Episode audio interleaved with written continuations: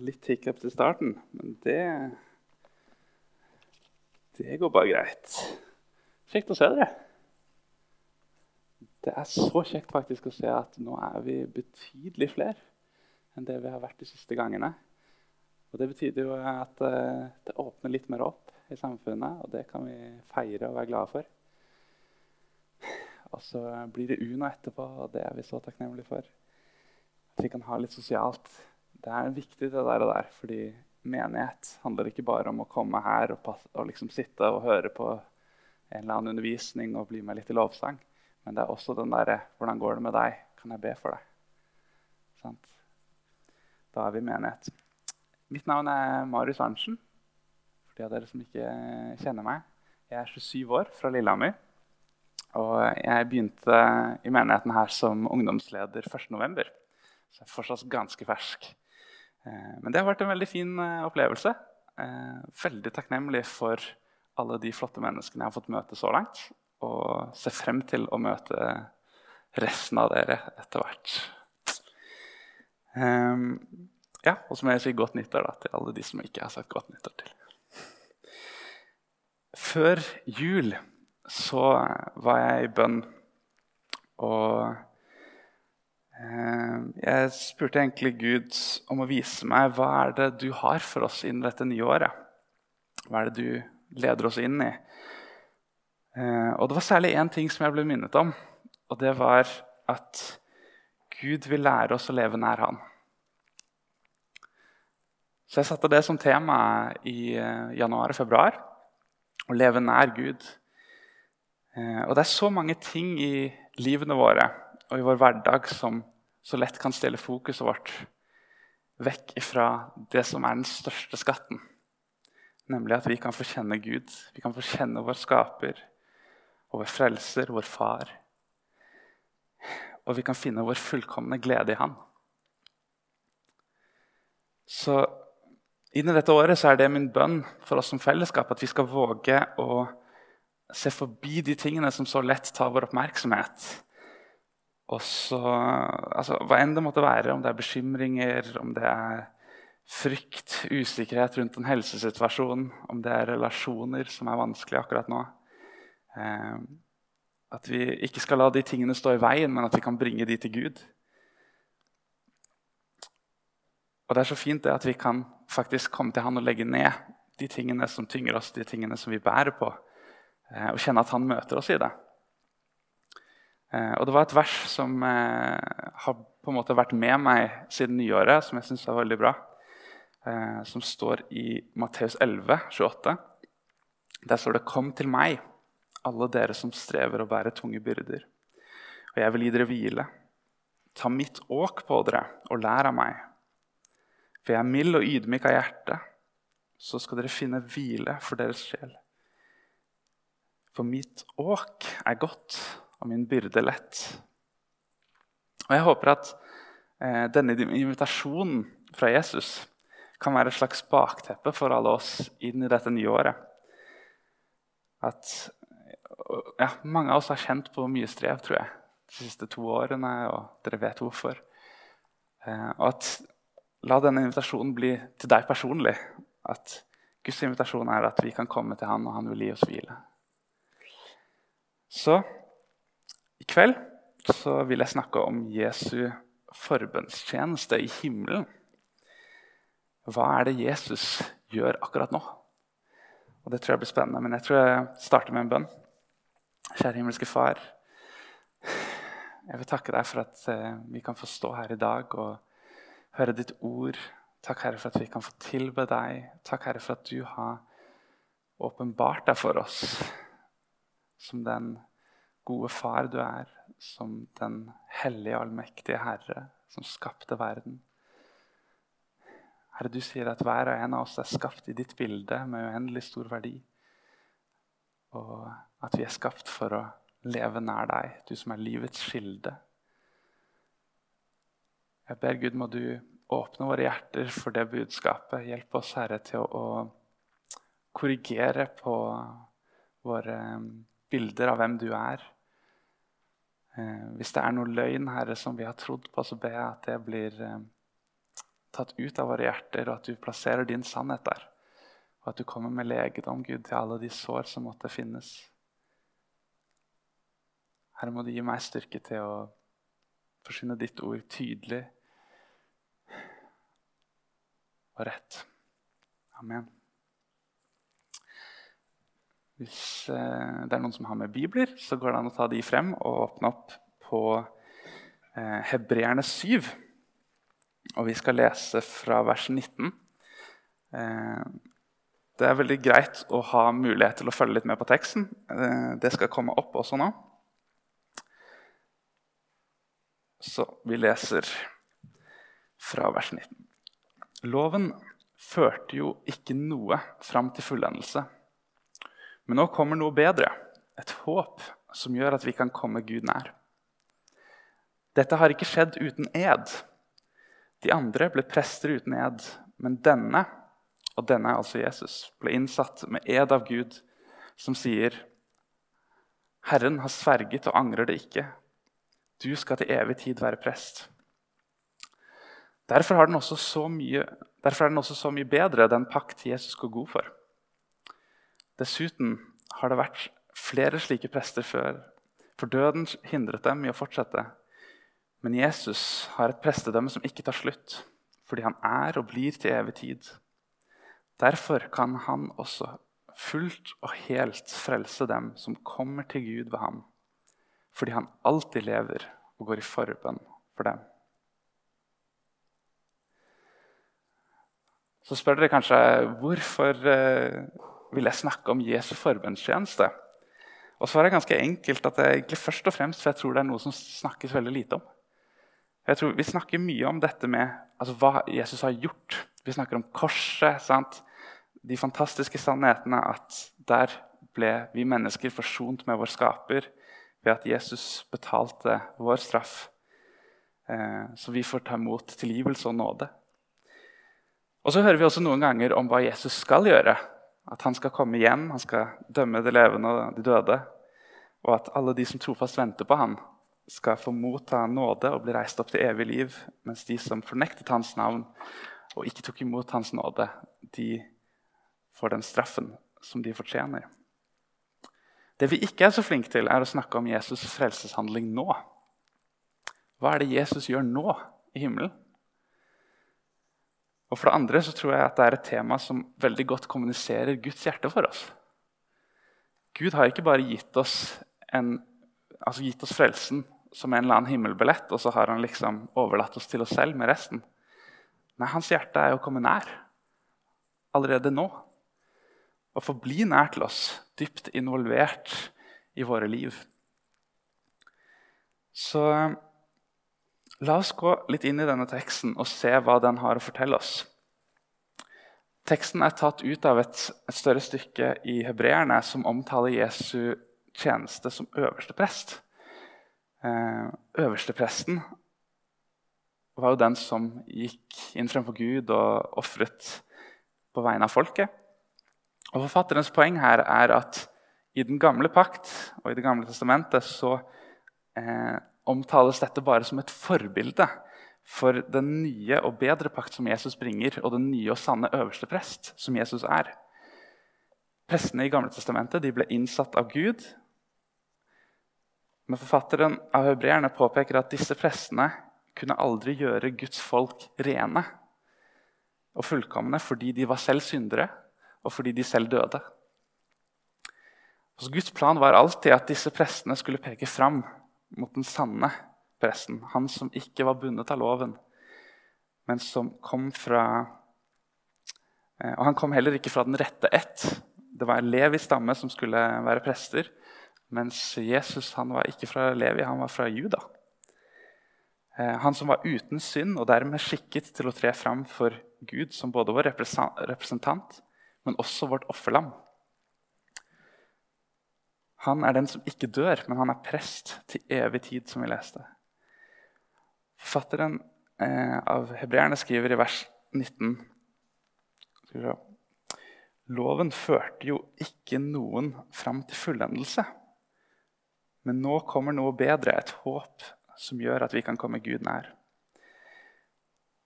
Så til forskjell fra den gamle pakt, der øverstepresten kun kunne komme Gud nær inn i det aller helligste tempelet én gang i året, og da var det for å ofre på vegne av folkets synder og sine egne, så ser vi nå at dette er en ny pakt hvor vi alle kan komme nær. Så la oss gå litt, eh, litt mer inn i dette. I vers 22 så står det derfor er, denne, er den også så mye bedre, den pakt som Jesus går god for. Og alltid når vi ser det ordet 'derfor', så må vi spørre ja, men hvorfor.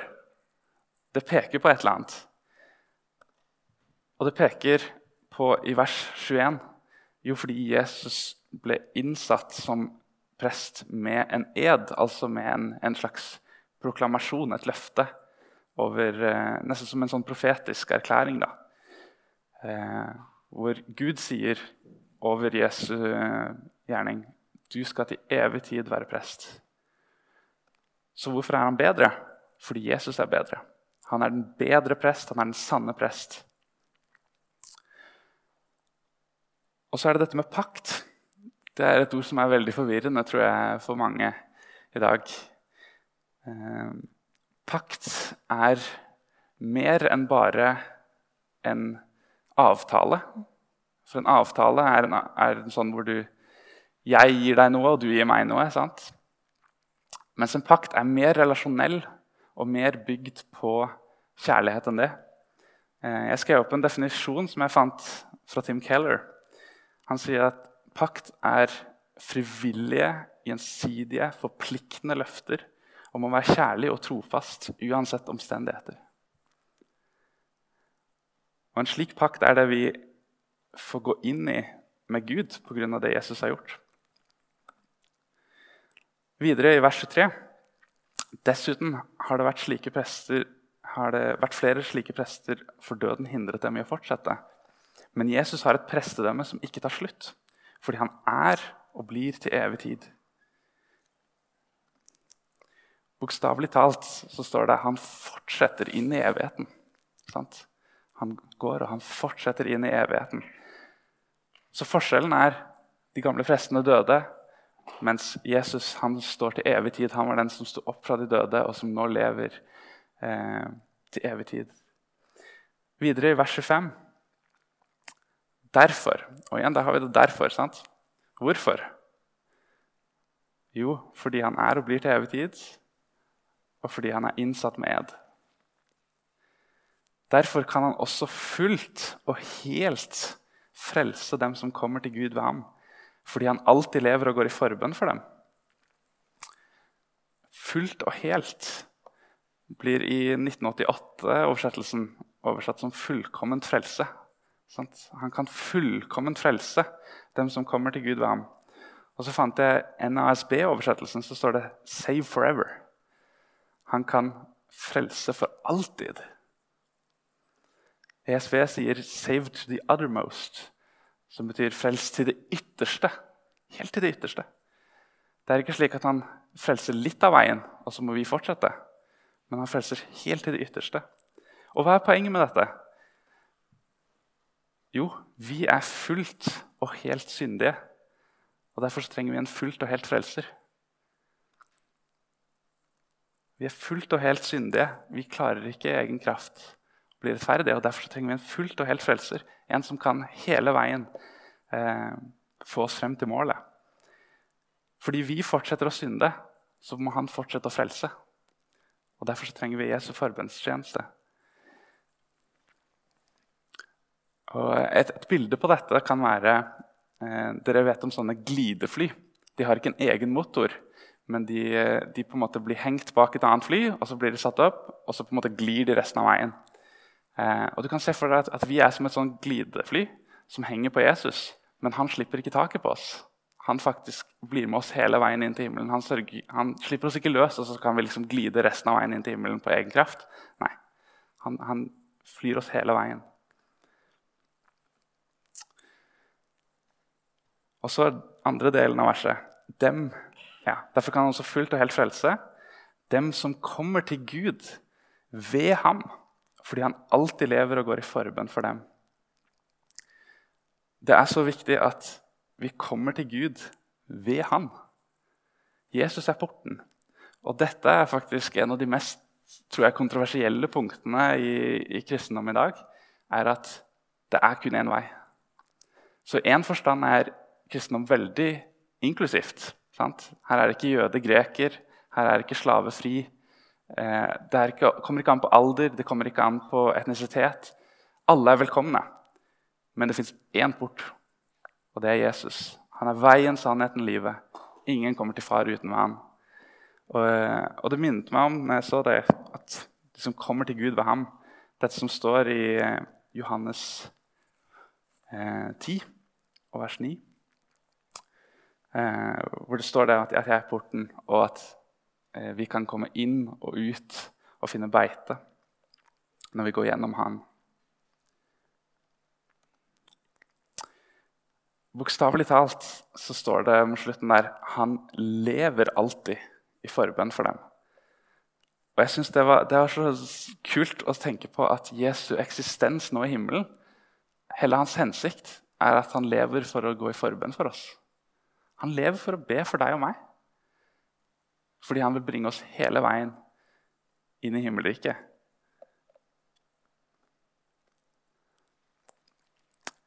I Romerne 8,34 så står noe av det samme, så jeg tenkte jeg bare skulle ta den med.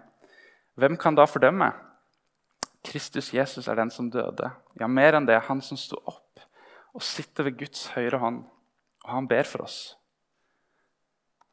Og i 1. Johannes 2.: Mine barn, dette skriver jeg til dere for at dere ikke skal synde. Men om noen synder, har vi en talsmann hos Far, Jesus Kristus den rettferdige. Han er en soning for våre synder, ja, ikke bare for våre, men for hele verdens. Og jeg tok med det bildet ved siden av der fordi eh, du får eh, assosiasjonen til, eh, til, en rettssal og til en dommer. Eh, og det ordet som blir brukt her til talsmann, som er oversatt talsmann, det er ordet parak parakletos. Det brukes kun seks ganger i Det nye testamentet. Og de andre gangene er i Johannes evangeliet, hvor det omtaler den hellige ånd som vår hjelper, som vår talsmann, som vår advokat. Det blir oversatt til alle de tre tingene. Så det er et veldig si, omfattende begrep. da. Men det betyr en som kommer og som på en måte stiller seg ved din side, og som taler din sak. Og jeg leste en ting eh, en gang, jeg husker ikke hvem det var jeg leste hos, men at på samme måte som, eh, som Ånden er vår talsmann på jord Når Jesus dro til himmelen, så sendte han Ånden til å være talsmann til våre hjerter. Til å bo i våre hjerter og være vår forsvarer. Eh, på samme måte som Ånden taler Guds sak til mitt hjerte, så taler eh, Jesus min sak til Faderen i himmelen. Ser du, ser du den forbindelsen der?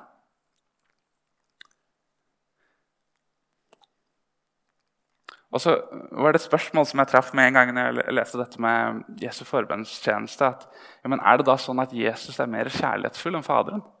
Er det sånn at, fa at Faderen egentlig er litt sånn Nei, jeg vil ikke frelse dem, men du må overtale meg? Nei.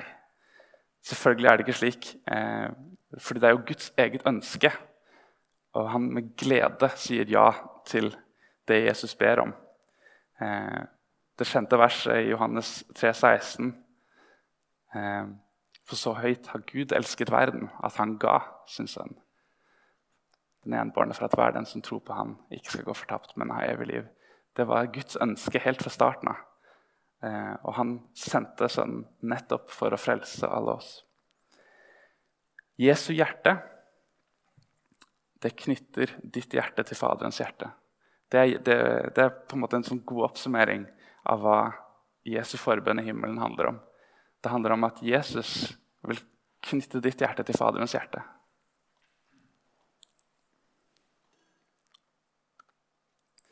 Så for å oppsummere litt på slutten hva er det Jesus gjør i himmelen? For det første, og dette har jeg ikke nevnt ennå, så bærer han verden. står det. Han er utstrålingen av Guds herlighet og bildet av hans vesen. Og han bærer alt ved sitt mektige ord. Da han hadde fullført renselsen for våre synder, satte han seg ved majestetens høyre hånd i det høye. Og like så viktig er han holder den troende oppe. Og det er det vi leser om her. Derfor kan han også fullt og helt frelse dem som kommer til Gud ved ham, fordi han alltid lever og går i forbønn for dem. Og så kan man kanskje spørre seg hvorfor trenger vi forbønn? Hvis, hvis er, altså er ikke frelsesverket nok? Er det slik at det er noe mangelfullt ved korset? Når Jesus sier at det er fullbrakt rett før han dør, stemte ikke det? Og svaret er at Jesu forbønn det realiserer det som korset allerede har fullført. Det er som at det, det gjør det virkelig for oss. Um, og når jeg tenkte på dette, så fikk jeg det bildet av en salve. La oss si du har en legende salve, eh, og såret er vår synd. Så trenger salven å faktisk bli liksom lagt over såret. Og det er det Jesu forbønn gjør, er at det er på en måte at, at salven blir lagt på. Det blir realisert, det som vi allerede har betalt for. Vi har allerede medisinen, men det blir realisert i våre liv.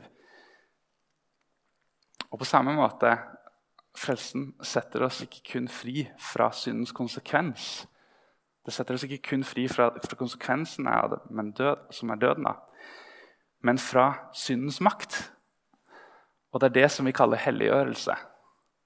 At vi kan få lov til å bli mer og mer lik Jesus og leve liv som mer og mer samstemmer med hva som gleder Gud, og hva som er det gode for medmenneskene våre. Vi kan lære å elske Herren vår Gud av hele vårt hjerte, av hele vår sjel, av all vår makt.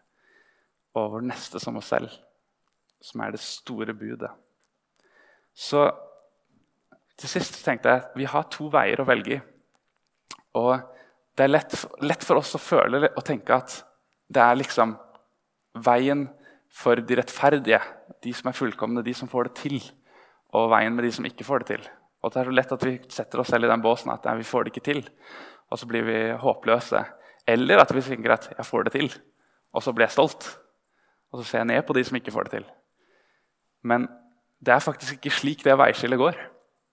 Veiskillet går mellom de som eh, de som lever for seg selv, og som tenker at ja, jeg fikser livet sjøl, eller at jeg kanskje ja, at i hvert fall jeg lener meg på min egen rettferdighet. Eh, og jeg ender opp med å forsvare meg sjøl. Her, her, måtte jeg gå noen runder med meg sjøl fordi jeg tenkte på dette med forsvarer. da. Hvis Jesus er vår forsvarer, hvis han er den som taler vår sak til Gud Så ofte når jeg, eh, når jeg synder, når jeg gjør et eller annet som jeg kjenner dette burde jeg ikke gjort, og så angrer jeg på det, så, så, så kommer denne anklagen. sant? Da kommer anklageren og sier at oh, du, nå har du rota det til her, og Gud kommer ikke til å ønske å ha noe med deg å gjøre nå. Eh, og så ofte der så blir jeg min egen forsvarer, og så reiser jeg meg opp og nei, det var ikke så farlig. Og, og tanker kommer om at eh, jeg prøver å minimere alvoret. Og så, og så innser jeg at oi, jeg er min egen forsvarer. Men faktisk det, det Bibelen sier, er at Jesus ønsker å være min forsvarer. Og det er det han inviterer oss til, er at vi kan komme nær til ham. Vi kan leve nær Gud. Der hvor Jesus er min rettferdighet. Jeg kan se i ydmykhet at vet du hva, jeg, jeg får ikke til det sjøl. Jeg får ikke til å leve perfekt. Jeg får ikke til å leve det livet som Gud har kalt meg til. Jeg klarer ikke å elske min neste som meg selv. Jeg klarer ikke å elske Gud slik som jeg burde. Og jeg ser at jeg trenger Jesus. Jeg trenger at han er min rettferdighet. Jeg trenger at han er min talsmann hos Gud. Og helt til sist så tenker jeg bare dere, Om dere kan gå ut i kveld med tanken om at akkurat nå så ber Jesus for deg. Jeg vet at faktisk særlig siste uka syns jeg det har vært veldig krevende å be. Og så ofte så er våre bønneliv eh, ja, opp og ned, og, og, gjerne ikke så bra som vi skulle ønske at de var. Men det å tenke på at selv når jeg neglisjerer mitt eget bønneliv, så har jeg en forbeder i himmelen. Han ber for meg kontinuerlig. Han lever for å gå i forbønn for meg. slik at han kan fullt og helt frelse meg. Den gode gjerning han har startet, den vil han også fullføre. Takk, Jesus, for at du er vår forbeder, og at du fullt og helt frelser alle de som kommer til deg.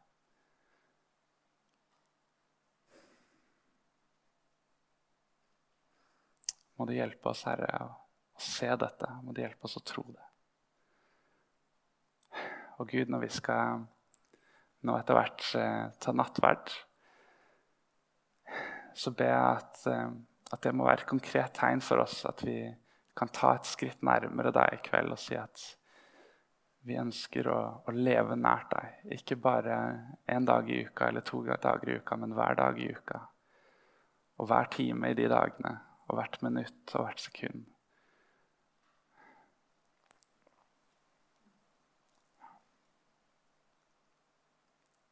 Jesu navn. Amen.